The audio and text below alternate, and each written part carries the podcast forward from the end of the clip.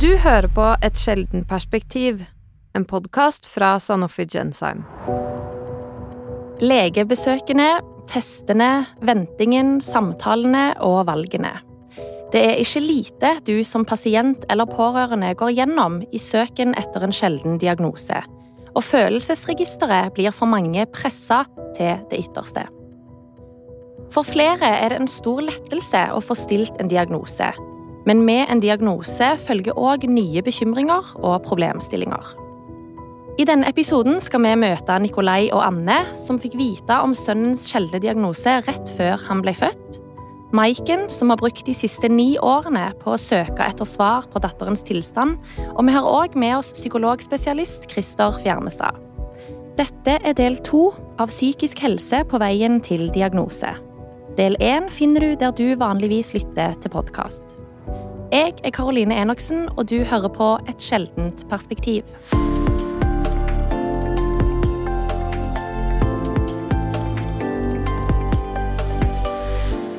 Altså I de situasjonene dere beskriver hvor, eh, hvor livet måte endrer seg nærmest fra en dag til en annen, eh, så, eh, så, lurer jeg på om dere følte at dere hadde verktøyene til å håndtere den situasjonen som dere plutselig befant dere i.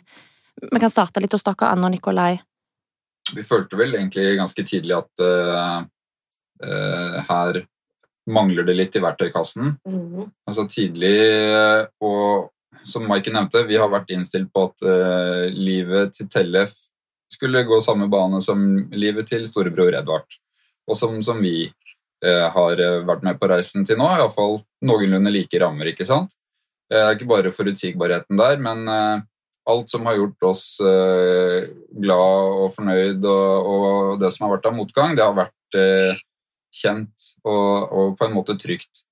Og så her eh, måtte vi plutselig ta inn over oss et enormt sett med nye utfordringer og for å rett og slett takle det, eh, være i stand til å fortsatt være glad og gode foreldre og gode partnere og glade, gode individer, så var vi nødt til å ta en fot i bakken og så tenke litt over hva er det som faktisk gjør livet verdt å leve, og hva er det som er, eh, er, det som er fint, eh, hva kan vi skape som er fint. Vi hadde jo da med diagnosen mulighet til å snakke med likemenn. Folk som kunne fortelle oss at denne reisen er tøff, men eh, f.eks. så er nesten alle voksne med diagnosen i arbeid og har uh, utdannelse og er, uh, er, fornøyd og glad med livet. vi kunne snakke med kompetansesenteret for sjeldne diagnoser og få informasjon om eh, forløp, eh, hvordan vi burde forberede oss i forkant av forskjellige stadier av dette. Vi var jo der eh, en uke før Tellef ble født, og vi var der en uke etter han ble født. Og alt dette er ting som har hjulpet oss på veien. Og så fikk vi råd av familie med psykologibakgrunn om å, å tenke litt på selv. Jobbe med det før det ble et problem og da tok vi kontakt med familievernet. Mm. Nei, akkurat det med kompetansesenteret var, var, jo veldig viktig for oss, for da hadde vi den ytterste ekspertise som vi kunne spørre i forkant av fødselen hvordan behandler vi dette skjørebarnet. Og i ettertid, når han hadde kommet og vist fram, og bare det komme ut der, og så Da var han født, det, vi var langt nede. Vi var ikke den lykkelige babybobla. Men når vi kom ut i kompetansesenteret, og de utstråler ene og alene lykke og glede ved å se den babyen, da gikk det litt sånn aha for meg ok, det er jo en fin tid òg. Eh, så akkurat det kompetansesenteret har vært uunnværlig for oss, da. Ja, altså bare et kommentar til det. Vi, vi, mm jeg tenkte iallfall eh, med å kontakte terapeut eh, mm. og da familievernet, som var en, en, god mulighet, så trodde jeg vi skulle jobbe med denne brede verktøykassen. Og hvordan mm. liksom takle de store endringene i livet. Men så ble det jo heller til at vi fokuserte på eh, smalere ting. Ting som alle antageligvis har godt av. Eh, hvordan vi skal respektere at vi er på forskjellige steder.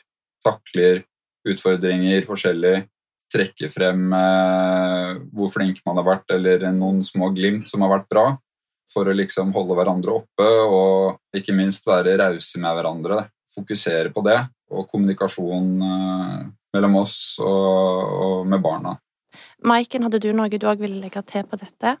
Eneste verktøyet vi har hatt, kan jeg vel si, at vi har en familie som står veldig nær hverandre, og vi bruker hverandre heldigvis for mye støtte. Vi har selv eh, tatt kontakt med diverse foreldreforeninger, vi møter jo likemenn gjennom det. Men de fleste foreldreforeninger er jo diagnosemerka, ikke sant. Ida har ikke noen diagnose. Vi må ha en diagnoseuavhengig foreldregruppe. Og nå har vi nå funnet et par av dem, eh, og det har hjulpet oss godt på vei nå de siste par åra. Nikolai?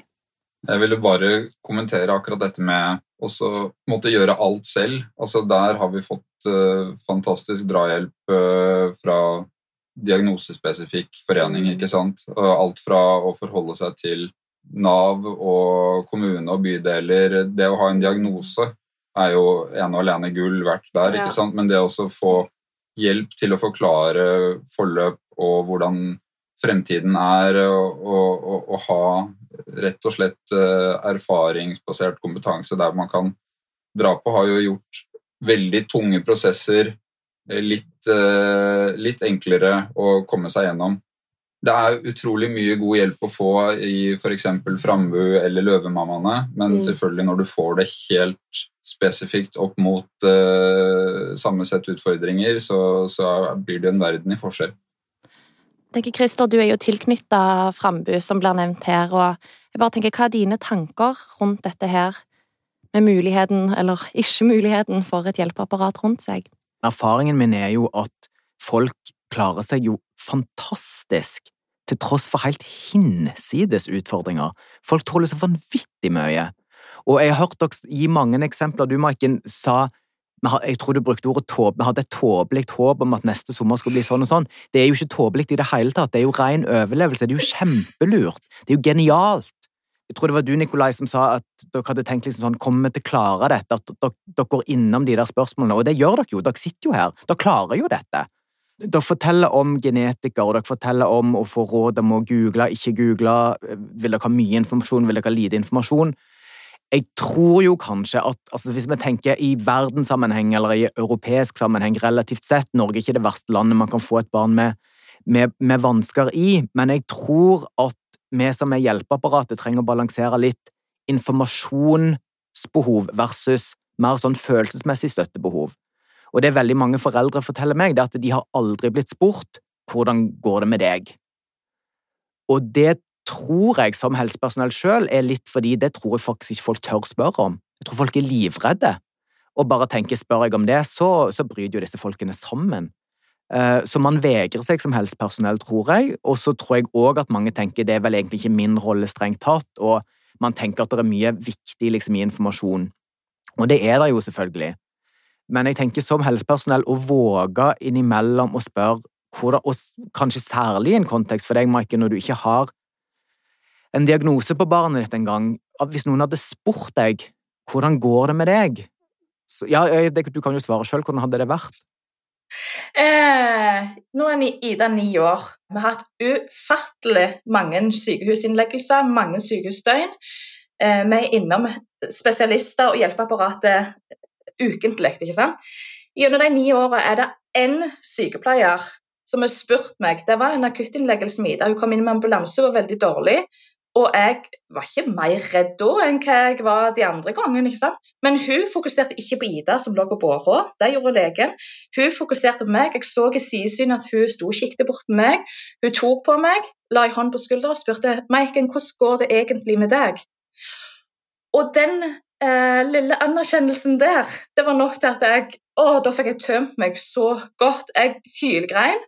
Og jeg takna så mange ganger i etterkant. Jeg sa skulle kunne bare alle vært sånn som deg. Ett spørsmål er nok til å hjelpe meg den dagen. Dagen ble så mye bedre etter det spørsmålet der, for hun så meg oppi alt. Mm. Og en, en, annen ting som jeg tenker som er veldig viktig med dette, det er um, for eksempel dere Anne og Nikolai som forteller om dere fikk dette rådet om å ikke google, og så gjorde dere ikke det. Og det var jo sikkert da tydeligvis riktig for dere, men det som hadde blitt problematisk, det var hvis du, Anne, hadde kjempelyst til å google, og du, Nikolai, ikke ville, Og det tror jeg er noe av det som blir veldig trøblete for foreldre ofte, hvis de både forholder seg til informasjonen ulikt, tolker informasjonen ulikt, og tenker ulikt. Og det går både på informasjon, men det går òg på hvordan skal denne ungen her best ivaretas. Skal vi utfordre disse musklene? Skal vi pakke inn denne ungen? Skal vi uh, utfordre ikke? sant? Og det viser iallfall forskningen, da, at ulikhet mellom foreldre i sykdomshåndtering og sykdomstro er, er, egentlig en større risikofaktor enn sykdommen i seg sjøl. Og det tror jeg òg er veldig viktig at helsepersonell ivaretar. For det første så møter vi jo mødrene mye mer enn fedrene, det må være lov å si. Um, og vi har litt for lite kontroll på hvilken type informasjon som går videre til fedrene. Dere har snakket begge, eller alle tre har snakket mye om dette foreldreinstinktet om å se framover. Hvordan blir skolen? Hvordan kommer de til å få lappen? Kommer de til å få kjæreste? Kommer de til å få hus?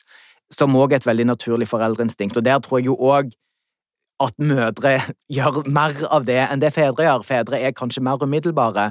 Så det jeg prøver å si, da, er at begge foreldrene må involveres i, denne type rådgivningssamtaler. Man må balansere følelsesmessig støtte med informasjonsstøtte. Så skal jeg snart slutte å snakke, men jeg tenker at en annen ting er dere får ofte denne informasjonen kanskje én gang, og en genetikersamtale én gang, og så tenker helsepersonen at nå har de fått den informasjonen. Men dere klarer jo ikke å ta imot mer enn kanskje én eller to små brøkdeler av den infoen, så dette må vi jo gjøre om igjen. Og vi må jo følge opp familier i de nye krisene som kommer igjen og igjen og igjen i alle livets overganger. Jobben er jo ikke gjort når denne diagnosen er satt.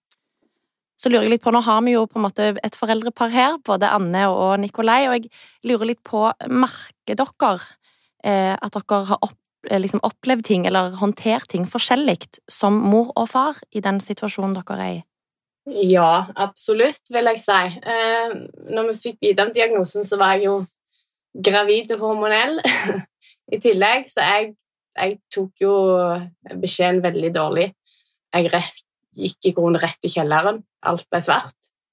Og jeg hadde vanskelig for å finne lyspunkt i det hele. Eh, jeg hadde jo storebror som da var tre. Han, eh, bare det å se han le og bringe meg tilbake til jorda, hjalp meg veldig.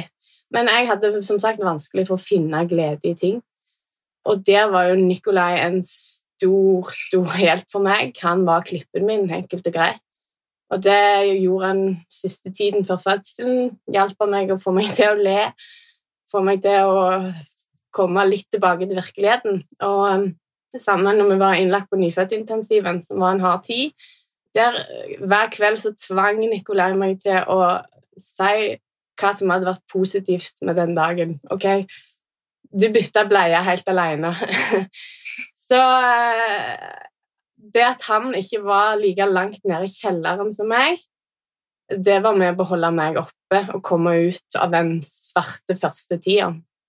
Altså, jeg følte aldri at uh, dette her uh, Altså, selvfølgelig innså jeg jo hvor grusomt og urettferdig og jævlig det hele var, men jeg klarte liksom ikke å, å legge meg ned og få det ut heller. Så da var det bare å holde det gående. Eh, og så har vi også fått høre fra terapeut senere òg at det er eh, Jeg tror ikke det påvirket situasjonen vår nå, men det, det, er jo ikke plass til at begge foreldre er på samme sted samtidig heller. Én må liksom eh, få lov til å være nede og, og føle ordentlig på det, mens den andre da kanskje står og så haler litt for å få partneren til å reise seg igjen, og så får man heller bytte på. Mm. Maiken, vil du si noe? Døgnet har rett og slett ikke nok timer. Eh, vi er så slitne, og det handler ikke om at vi skal legge oss ned og sove. Vi blir slitne selv om vi sover. ikke sant? Det er en så belastende ting å ha hengende over seg. Og vi, i forskjell til Anne og Nikolai, er at vi lever nok gjerne fortsatt i denne her liksom, krisemaksimeringsverdenen, ikke sant? der vi er på jakt hele tida etter en diagnose. Så vi har ikke rom til å eh, ta vare på oss sjøl. Eh, vi har de to timene på kvelden som de beskriver, der vi krasjlander. Og vi er overhodet ikke interessert i å snakke i lag da. Da ligger vi på hver vår side av sofaen og bare flykter fra virkeligheten, rett og slett. Og ser på et eller annet eh, på TV. Jeg tenker at Å stå i den type situasjon som dere gjør, det er jo åpenbart en belastning for hele familien. Og så har dere jo alle òg flere barn. Så jeg lurer på hvordan opplever du, Maiken, at de andre barna dine påvirkes av at Ida har ja, andre behov enn de? Ja, de, på, med, altså de påvirkes veldig av det. Eh, Mari, som nå blir eh, elleve straks, hun var jo to år hun når Ida ble født, og hun har virkelig fått kjenne på den urettferdigheten og det å på en måte miste mamma litt til Ida sin fordel. ikke sant? For jeg måtte jo være med henne når hun var baby, og det er klart at Ida sluker mye av vår oppmerksomhet når hun er dårlig. Eh, og da blir de to andre stakkars sett litt på sida. Men, men, vi prøver jo selvsagt, vi jobber hele døgnet rundt hele tida og eh, ivaretar deres behov òg. Prøver å få alenetid med dem. Men det er klart det er mye sinne og frustrasjon fra begge de to, altså. Og veldig vanskelig for oss å, å hjelpe dem, for vi, vi har faktisk ikke verktøyene til det. Nikolai og Anne, ja, for oss er det vært eh, Edvard var jo tre når Tellef kom, eh, og han merka jo òg at noe var forandra. For oss er det vært mye det å fokusere på å forklare eh, Edvard hva som skjer, samtidig som vi tar jo ikke med det mest brutale. Vi har hatt mye fokus på følelser. Og noe av det viktige for oss er det der å holde roen sant? når Tellef knekker et bein, og det er en krisesituasjon. Og der står storebror midt oppi, og det at vi klarer å se han samtidig mens krisesituasjonen pågår, har vi jobba mye med. Det er tøft. Vi har involvert barnehage og informerte dem veldig tidlig om eh, utfordringer vi kunne møte på, og, vært, bedt dem være litt var på tegn utover sånn generell søskensjalusi. Mm. Jeg bare tenker, Christer, eh, at du kan, fortelle litt, fordi du jobber jo med dette eh, dere på Frambu jobber jo. Hvordan er det dere jobber med dette med barn som er pårørende til andre barn? Jo, jeg kan si at um, Frambu har jobba med søskenarbeid i, i, veldig mange år. og da, Norge har ikke vært så aller verst med barn som pårørende, blant annet barn som har foreldre med ulike kroniske sykdommer. Men dette med barn som er pårørende til barn, har vært litt mer neglisjert. Men nå har det vært en lov, det kom en lovendring fra januar 2018 som sier at helsepersonell faktisk har plikt til å vurdere søskens hjelpebehov når, eh, når, de har en bror eller søster med alvorlig sykdom.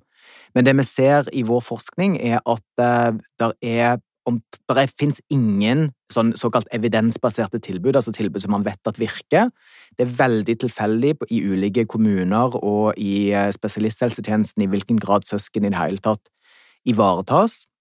Og det forskningen viser, er at søsken ikke altså, det, er ikke noen veldig stor risiko eller liksom det går skikkelig skeis med søsken, men det er en mildt forhøya risiko for angstproblematikk, for depresjonsproblematikk, og i motsetning til det mange tror, så man, ser man òg noe selvbildeproblematikk. Og når jeg sier motsetning til mange tror, det er en litt sånn myte ute og går om at søsken til barn med, med kronisk sykdom blir sånn kjempeempatiske og superhjelpere og liksom alltid ser andre og sånne ting, og det, det gjør de absolutt men det ser ut til at det òg går litt utover liksom, hvordan de vurderer sin egen selvverdi, rett og slett. Og de dilemmaene dere beskriver her, er veldig reelle. Og jeg tenker også at det vi begynte denne samtalen med, dette med diagnose og ikke-diagnose, er også veldig relevant i et søskenperspektiv. Eh, for hvordan skal søsken klare å forklare dette her til venner, til omgivelser? Vi ser at søsken misforstår veldig mye. Um, og jo mer komplisert en diagnose er, jo større rommet for misforståelser. Det vet vi at påvirker utvikling. Sant? I hvilken grad klarer man å, å ha en historie om seg selv og sin familie som gir mening? Jo mer, det skaper mye mer rom for forvirring. Så tror jeg at alle som har søsken, kjenner igjen de der følelsene. Sant? At liksom, å, er mamma og pappa mer glad i han, og fikk han større gave, og ble, fikk ikke han egentlig litt mer tid, og bla, bla, bla. Og hvis man da ser for seg at broren eller søsteren i tillegg sant, må være masse på sykehus, der er anfall, der er uhell hvordan de der veldig naturlige følelsene blir ekstremt forsterka. Så søsken er ei gruppe som vi er veldig opptatt av. Vi har et pågående forskningsprosjekt nå hvor søsken og foreldre er med i en eh, todagersintervensjon som vi kjører på veldig mange steder i Norge, hvor målet vårt er å bedre søskens mentale helse og bedre nettopp det dere snakker om, familiekommunikasjon. Hvordan snakker man sammen om dette, gitt at situasjonen for dere alle er at dette er tilstander som, som ikke går over? Eh, helt til slutt så eh, lurer jeg jo på om dere eh, har noen råd som dere har lyst til å gi til andre som står i lignende situasjoner.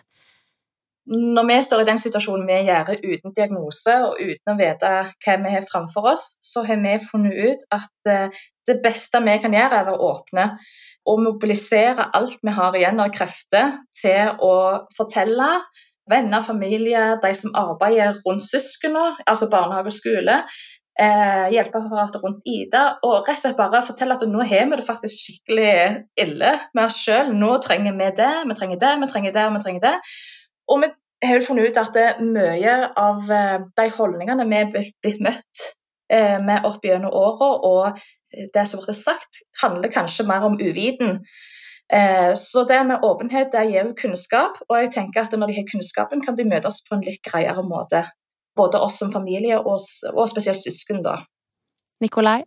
Kan jeg bare nevne helt i tråd med Maiken det også Når vi valgte å være åpne om dette fra dag én og informere foreldrene i barnehagen og, og venner eh, og forklare at eh, akkurat nå så eh, ønsket vi ikke noen kontakt. Vi ville gjerne fortsette å få snapper og meldinger fra venner som om alt var normalt, men, men dette er ståa.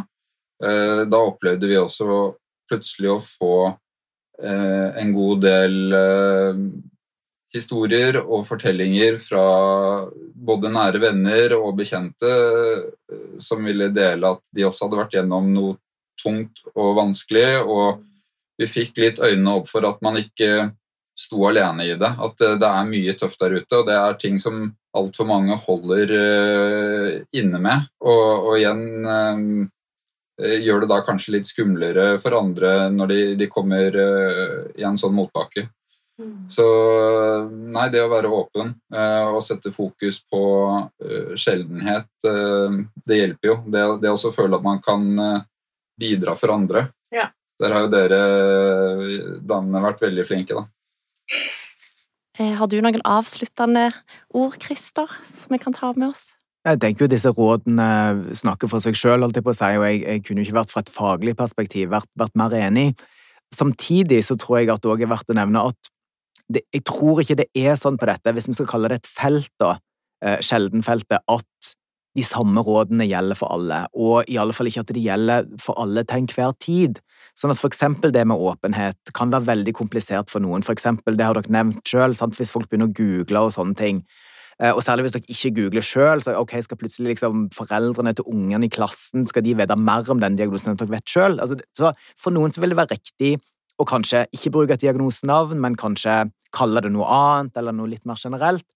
Men det er jo ingen tvil om at forskningen igjen, som jeg da blander inn hele tida, viser jo nettopp at det dere sier, er riktig, da, at åpenhet generelt er en bra ting.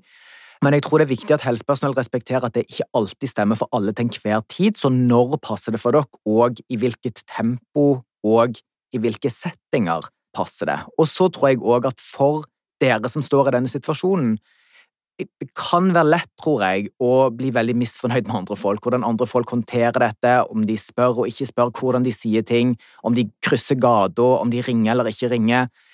Men hvis man klarer oppi alt i tillegg å skjønne hvor klønete folk blir i møte med kronisk sykdom Folk blir sinnssykt klønete, og ofte så er det mer et ønske om å beskytte seg sjøl òg, altså, men òg å beskytte dere tror jeg. Det, hvis man klarer å tenke at det er ikke fordi folk bestemmer Og nå Nei, dette liksom vil vi ikke ha noe med å gjøre, dette skyver vi vekk. Det er at folk føler seg hjelpeløse, tror jeg.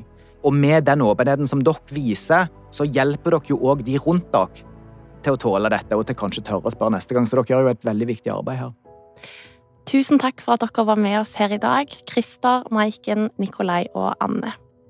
Du har hørt del to av Psykisk helse på veien til diagnose. Del én finner du der du vanligvis lytter til podkast. Sjeldentelefonen til NKSD er en gratistjeneste åpen for privat- og fagpersoner som har spørsmål om sjeldne diagnoser.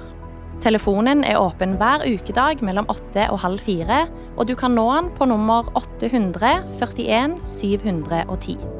For mer informasjon om sjeldne sykdommer kan du òg besøke Sanofi Jensheim sin nettside sjeldne-sykdommer.no. Takk for at du hørte på denne episoden av Et sjeldent perspektiv, en podkast fra Sanofi Gensheim.